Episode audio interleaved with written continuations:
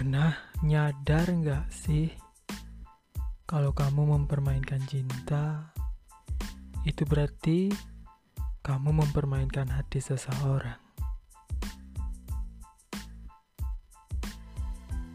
Hey yo, what's up guys? Jumpa lagi sama aku Gus Arya di Gus Arya on Podcast dan di mana hari ini sangat spesial banget karena um, akan membahas beberapa berita-berita yang mungkin Waduh, update banget lah ya. Oke, buat kalian yang mau, uh, sekali lagi buat kalian yang belum follow Gus Aryawan Podcast di Spotify, langsung aja klik follow ya. Dan oh ya cara nyarinya jangan lupa buka Spotify. Terus kalau punya kalau udah punya akun langsung login, kalau belum tinggal register aja dan langsung ke setelah itu langsung login dan bu masuk ke Spotify dan cari search lalu ketikkan Gus Arya on podcast dan bakal ketemu Gus Arya on podcast. Ya dan jangan lupa klik tombol follow langsung. Kalau kalian mau dengerin beberapa episode mungkin dari episode mungkin atau dari maraton ya dari episode 1 sampai sekarang yang sekarang uh, mengudara ini ya ini podcast episode ke-43 wow mantap sih nggak nyadar banget sih. Udah nyampe ke 43 aja sih sumpah ini aku mulai dari tahun 2019 jadi du, uh, dua tahun yang lalu jadi udah lama banget tuh dan eh, nggak uh, lama banget sih cuman uh, ya lumayan lah ya ya kenapa hari ini aku bilang spesial? Karena ada beberapa uh, apa namanya berita-berita um, yang mungkin aduh panas banget ya bikin aduh gerah gitu uh, ada yang adem-adem nggak? Cie. Ada yang adem nggak? Ada lantar minum air aja. Air dingin boleh. Biar adem. Oke okay, langsung aja. Oh ya buat kalian yang apa namanya uh, libur liburan lebaran gitu gimana Men menyenangkan banget ya. Jangan lupa stay safe and stay healthy. Sel selalu patuhi protokol gitu. Oke? okay? Aduh ya ampun. Eh aku belum lo belum salam ya tadi ya. Ya ampun cuman halo jumpa lagi gitu ya, ya, ya. Assalamualaikum warahmatullahi wabarakatuh. Om Swastiastu semuanya. Asik. Aduh ya ampun nih hari ini aku hari ini kok aku kayak semangat banget ya kayak bersumbring gitu ya. Anjir. Wah. Oke, langsung aja ke topik pemberitanya dan di mana di sini hmm, kayak aku sempat baca-baca sih uh, sempat lihat-lihat berita dan dan tiba-tiba uh, aku se apa namanya tertarik untuk membaca berita tersebut dan akhirnya langsung aja aku podcastin aja nih gitu. Nah udah langsung aja nih. Oke okay. ini ini dari judulnya ya di apa namanya di websitenya. Uh, 100 hari kerja Kapolri 4 bulan virtual polis beraksi. 472 konten medsos ditegur. Hmm, nah nah lo Oke, dikutip dari indozone.id ya, Mabes Polri membeberkan data capaian 100 hari kerja Jenderal Listio Sigit Prabowo sebagai Kapolri dalam hal program virtual polis. Selama kurun waktu 4 bulan virtual polis beraksi, Polri menyebut sudah ada sebanyak 472 konten media sosial atau medsos. Oke, ini dari kata Kadif Humas Polri Irjen Pol Argo Yuwono kepada wartawan di Mabes Polri ya, Jakarta. Ini katanya, virtual police ini selama kurun waktu 23 Februari sampai dengan 10 Mei itu ada sekitar 472 konten yang diberikan peringatan. Waduh, berarti ada beberapa konten yang mungkin menimbulkan pro dan kontra gitu ya. Pro, pro dan kontra kayak antara negatif dan positifnya gitu, baik dan buruknya gitu. Jadi makanya um, pihak polisi dari Mabes Polri apa ya Mabes Polri langsung terjun cus dengan virtual polis. Waduh langsung melacak kan. Wah ini konten apa ini? Wah ini konten wah ini konten negatif nih. Wah ini konten positif. Wah bagus nih gitu mungkin. Ya waduh keren keren keren. 472 konten medsos tersebut terindikasi mengandung sara dan ujaran kebencian. Polri pun menegur akun-akun medsos tersebut. Hmm, mampus. Ini ini ini. Ada beberapa konten mungkin dari kalian nih pendengar setia Gus Aryawan podcast nih. Ini mungkin nih uh, enggak enggak enggak. Enggak mungkin enggak ya mungkin enggak ada. Mudah-mudahan enggak ada ya. Awas aja kalau ada. Huh? awas aja kalau enggak. Wah awas aja kalau ada. Hmm, hmm. bisa gue cari loh. Enggak enggak enggak mudah-mudahan nggak ada ya. Untuk pendengar setia Gus Aryawan podcast nih mana ada sih? Wow. ya ampun. Langsung tegur dong gitu.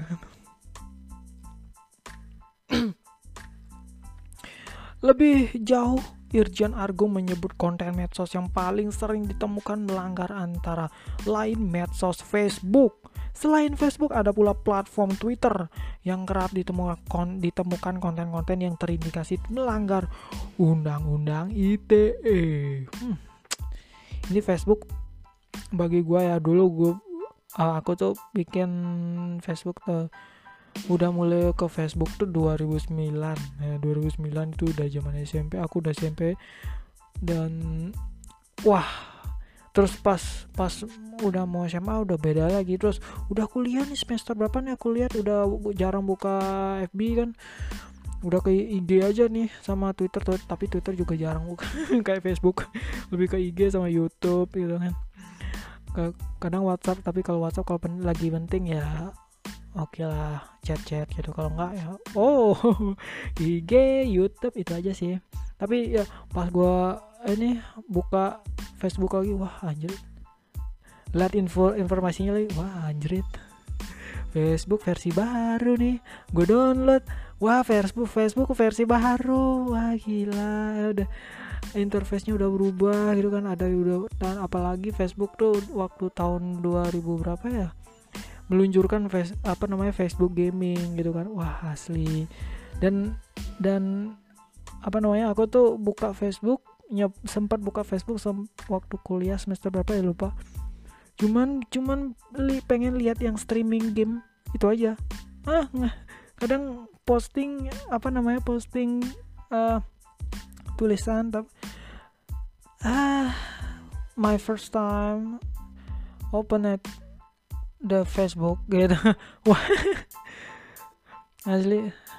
Dan gue apa namanya aku lihat-lihat lagi wah interface-nya udah berubah ya pas lihat yang di komputer kan wah asli udah berubah nih sumpah gitu. Update baru update-nya bagus banget ya.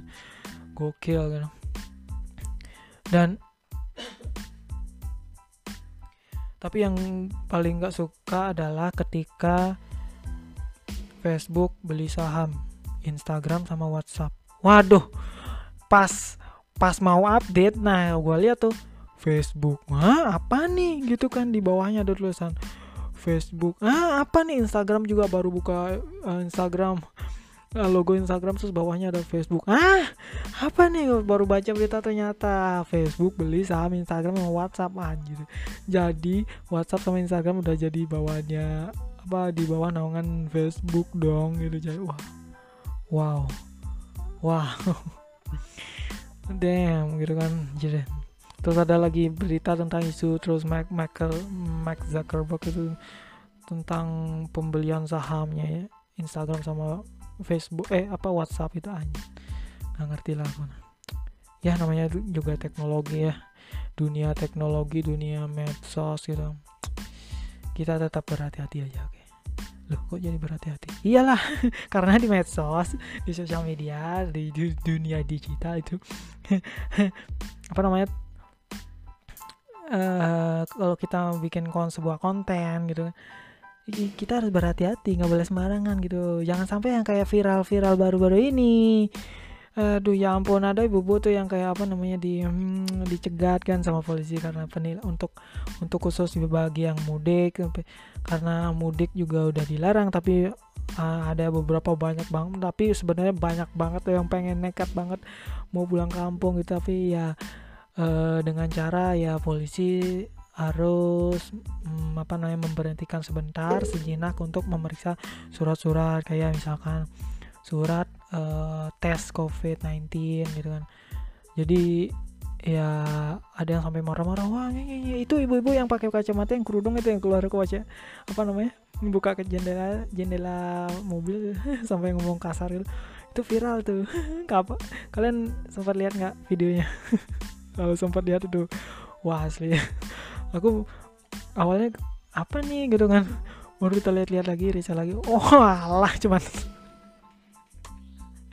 apaan? Cuman cuman gini doang gitu kan asli. Oke. Aduh ya udah lanjut ya. Udah yang tadi kita buang dulu buang dulu lah ya. Ibu viral.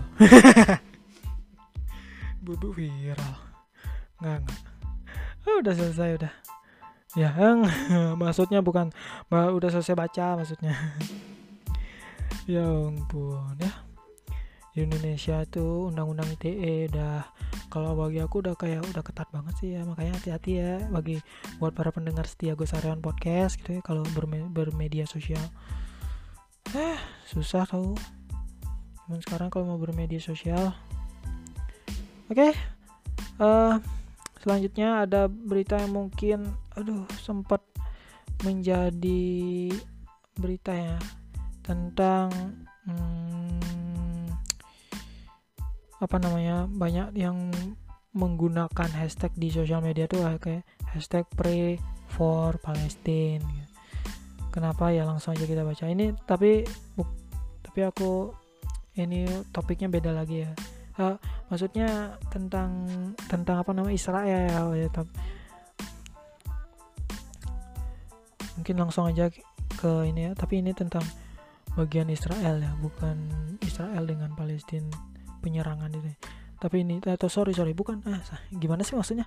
Ini mak maks maksudnya maksudnya aku itu pemberitaan tentang ya apa namanya banyak tagar tentang pray for Palestine gitu kan. Yang di mana Israel bermulai lagi berulah lagi gitu loh. Gitu maksudnya aduh kenapa tadi belibet banget sih ngomongnya? Ya ampun. Aduh oke dari judulnya nih ya. Israel balas serang Lebanon pakai artileri. Tapi gagal nggak ada kena gitu. Tapi gagal nggak ada yang kena gitu. Wah apa nih gitu kan? Israel membalas serang serang Lebanon pakai uh, artileri. Terus oke okay lah dikutip dari indozone.id ya Israel melancarkan serangan artileri balasan ke Lebanon setelah pada Senin uh, eh, 17 Mei 2021 kemarin. Enam proyektil ditembakkan dari Lebanon ke arah Israel Utara. Namun proyektil-proyektil itu gagal melintasi perbatasan. Militer Israel mengatakan serangannya itu ditujukan ke lokasi-lokasi peluncuran proyektil di Lebanon. Mengutip antara dari lap laporan Reuters, seorang sumber di bidang keamanan Lebanon mengatakan peluru terdengar ditembakkan dari Lebanon Selatan dan upaya sedang dilakukan untuk mengetahui lokasi tersebut. Sumber itu mengatakan ada sekitar 22 peluru yang ditembakkan artileri Israel ke wilayah Lebanon.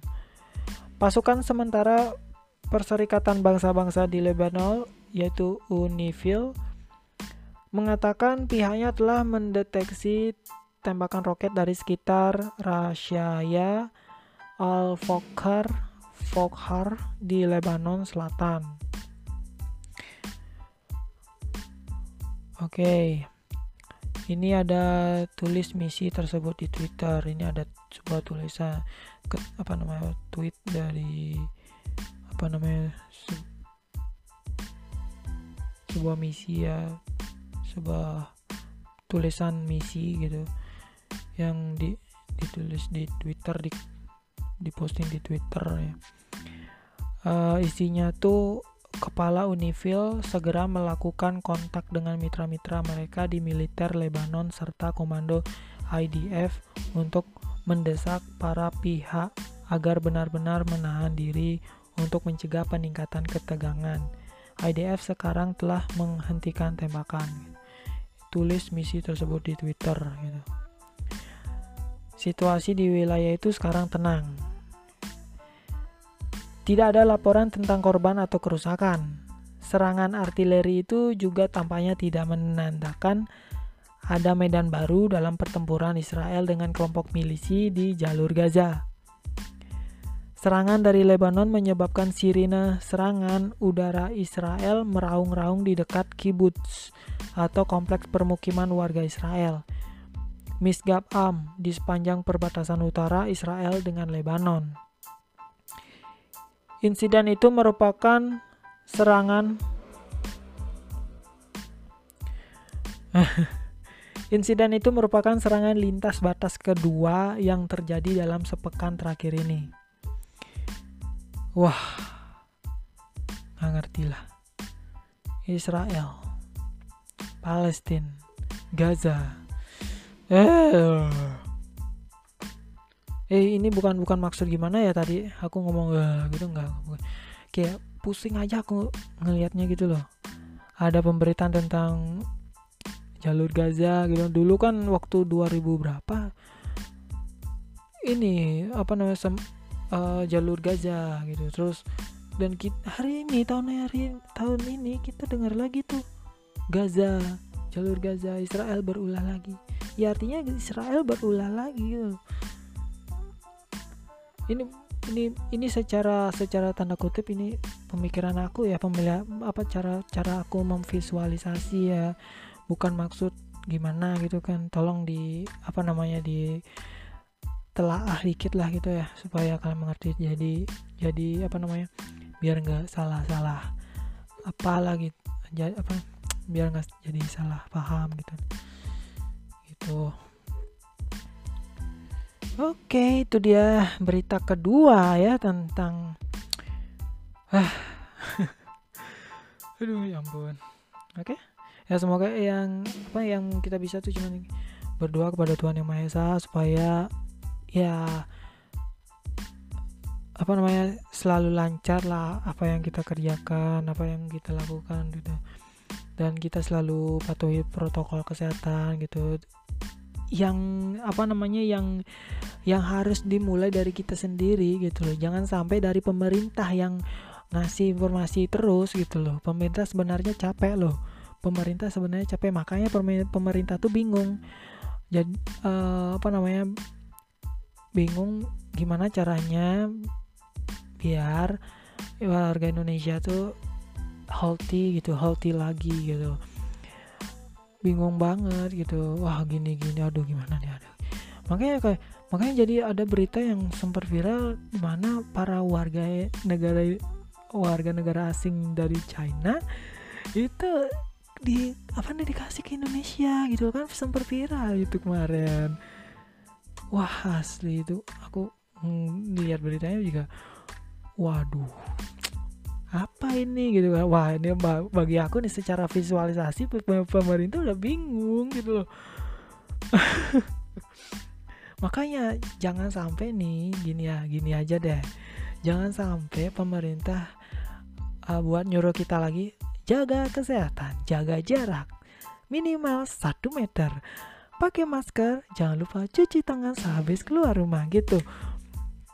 Jangan sampai ada kata-kata gitu lagi deh gitu loh.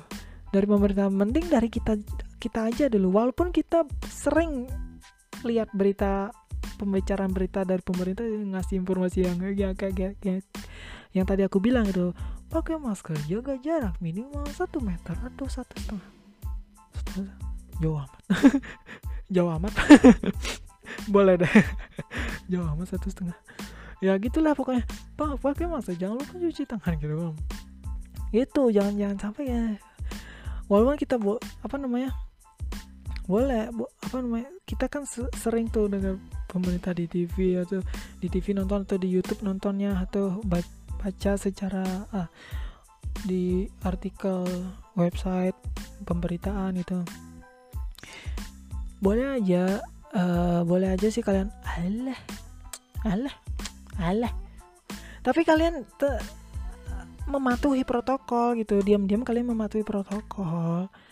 Bukannya Allah udahlah nggak usah kan gue udah vaksin. Hey jangan bilang jangan mentang-mentang kamu udah vaksin kamu terus bilang mm, I I don't need mask I don't need mask. Gitu. no no please please stay healthy, stay safe.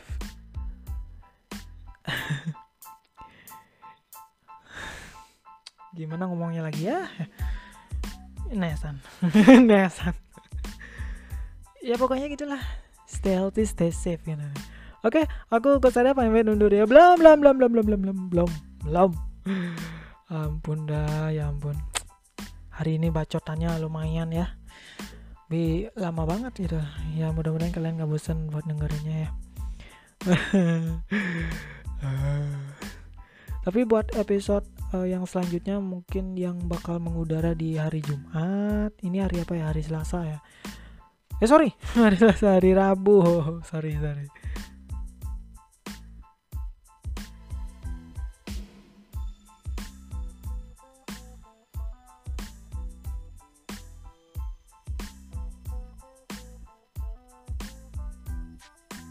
ya gitu dia ya untuk hari Jumat mungkin uh, bakal ada cuy apa namanya kayak aku bakal membacakan curhatan-curhatan diri aku gitu jadi buat yang mau kirim curhat bisa DM aja di Instagram Agus Aryawan 165 gitu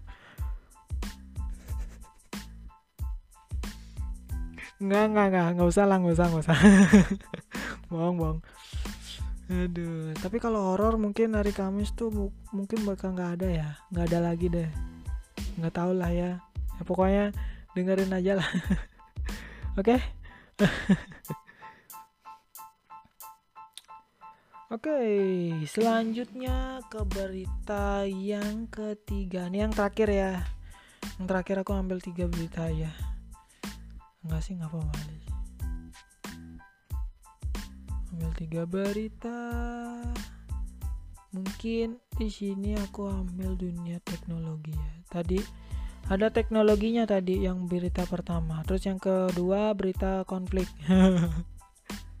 ini podcastku sebenarnya podcast apa sih podcast aku ini sebenarnya podcast membicarakan tentang game teknologi tentang multimedia ya pokoknya kalau multimedia tuh kayak misalkan ngebahas desain grafis. Nah kalau buat kalian yang mau dengerin desain uh, tentang topiknya desain grafis kalian bisa dengerin di podcast sebelumnya episode sebelumnya gitu.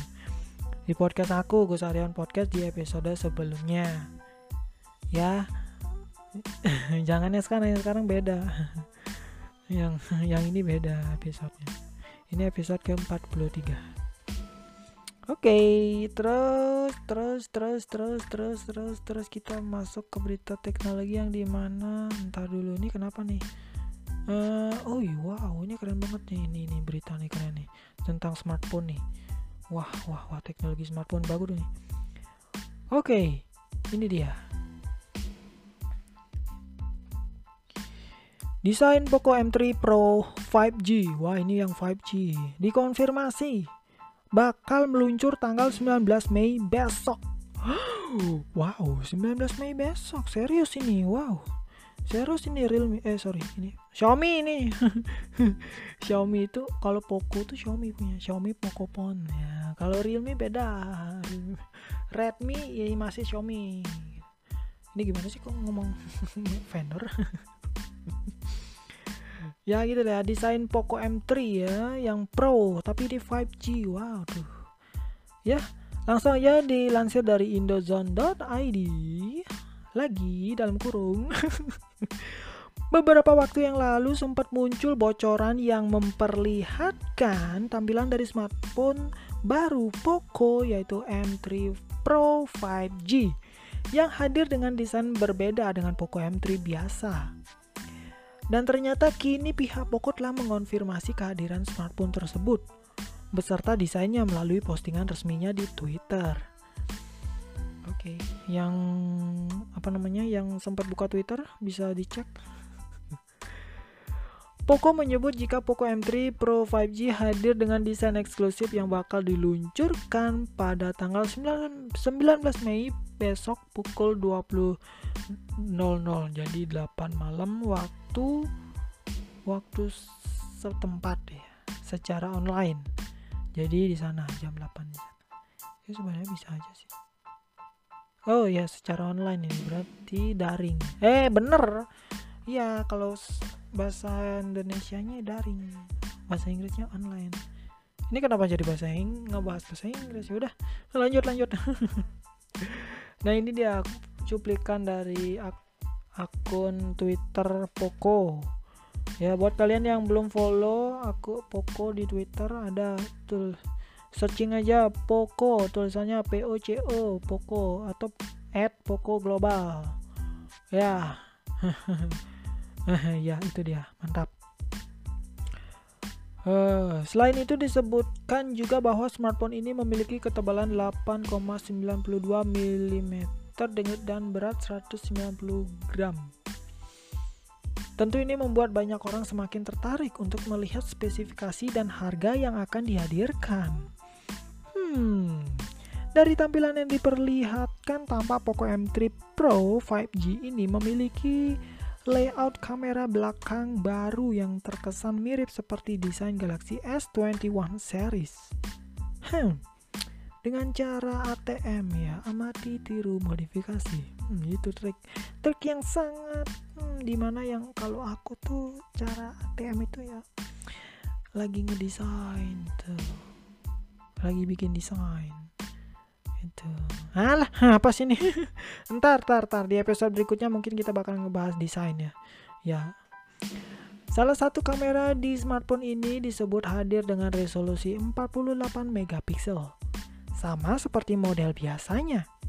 Bocoran sebelumnya menyebut jika smartphone ini bakal hadir dengan chipset Dimens Dimensity 700, layar 90Hz, beresolusi 1080p hingga baterai sebesar 5000 mAh miliampere. Begitu yang tertulis di artikel ini. Oke? Okay? Itu dia uh, berita ketiga yang terakhir ya tentang smartphone. Jadi smartphone Poco M3 5G, eh Poco M3 Pro 5G yang bak dikonfirmasi bakal luncur tanggal 19 Mei besok gitu sekarang selas hari selas Alah. ya sorry hari ini dong anjrit enggak enggak sebenarnya sebenarnya ini aku sejujur sejujurnya aku ingin bilang ini episode podcast episode ke 43 tapi uh, take-nya hari Selasa tanggal 18 Mei. Jadi ini tayangnya besok hari Rabu 19 Mei. Jadi bakal bertepatan mungkin uh, sama peluncuran Poco M3 Pro 5G gitu tapi duluan dia tayangnya aku sejam lagi malam jujur jujur nih jujur soalnya lagi ba banyak kerjaan juga sekalian aja lah gitu kan Oke, mungkin itu aja nih. Waduh, tumben aku jujur ya. Ya ampun. Terima kasih. Nah, saya terima kasih. Terima kasih. Terima kasih atas kejujurannya. Mantap. Karena kejujuran itu adalah suatu yang uh, bukan disuruh. Kamu harus jujur. Gitu. Enggak. Gitu. Kita harus dilatih. Jujur itu. Apa sih? Ini lama-lama kayak motivator nih lama lama-lama gue kayak Mario Sepuh aslinya Mario Teguh kalau aku bukan Gus Arya tuh sorry ya nggak usah nggak usah lah nggak usah lah plesetin nama gue lah aduh ya ampun oke itu aja uh, beritanya ya sekian dan terima kasih buat pendengar setia Gosarion Podcast untuk meluangkan waktunya untuk mendengarkan podcast episode ke-43 yang di mana berita yang pertama tadi bahas tentang ya ada tentang teknologi teknologinya juga gitu ya. Terus yang kedua ada konfliknya, yang ketiga teknologi. Oke, okay, so uh, thank you so much for listening the podcast dan uh, apabila uh, mohon maaf apabila ada salah kata, mohon dimaafkan karena kita manusia sempurna selalu punya masalah, punya kesalahan juga. Oke, okay? saling memaafkan Minal aidin wal faizin, mohon maaf lahir dan batin. Yang liburan, uh, selamat liburan, jangan lupa stay safe and stay healthy. Dan jangan lupa ja jangan lupa juga protokol kesehatan. Oke? Okay? Dan akhir kata aku Gosaria sampai jumpa di podcast episode berikutnya. Have have a great day. Bye bye.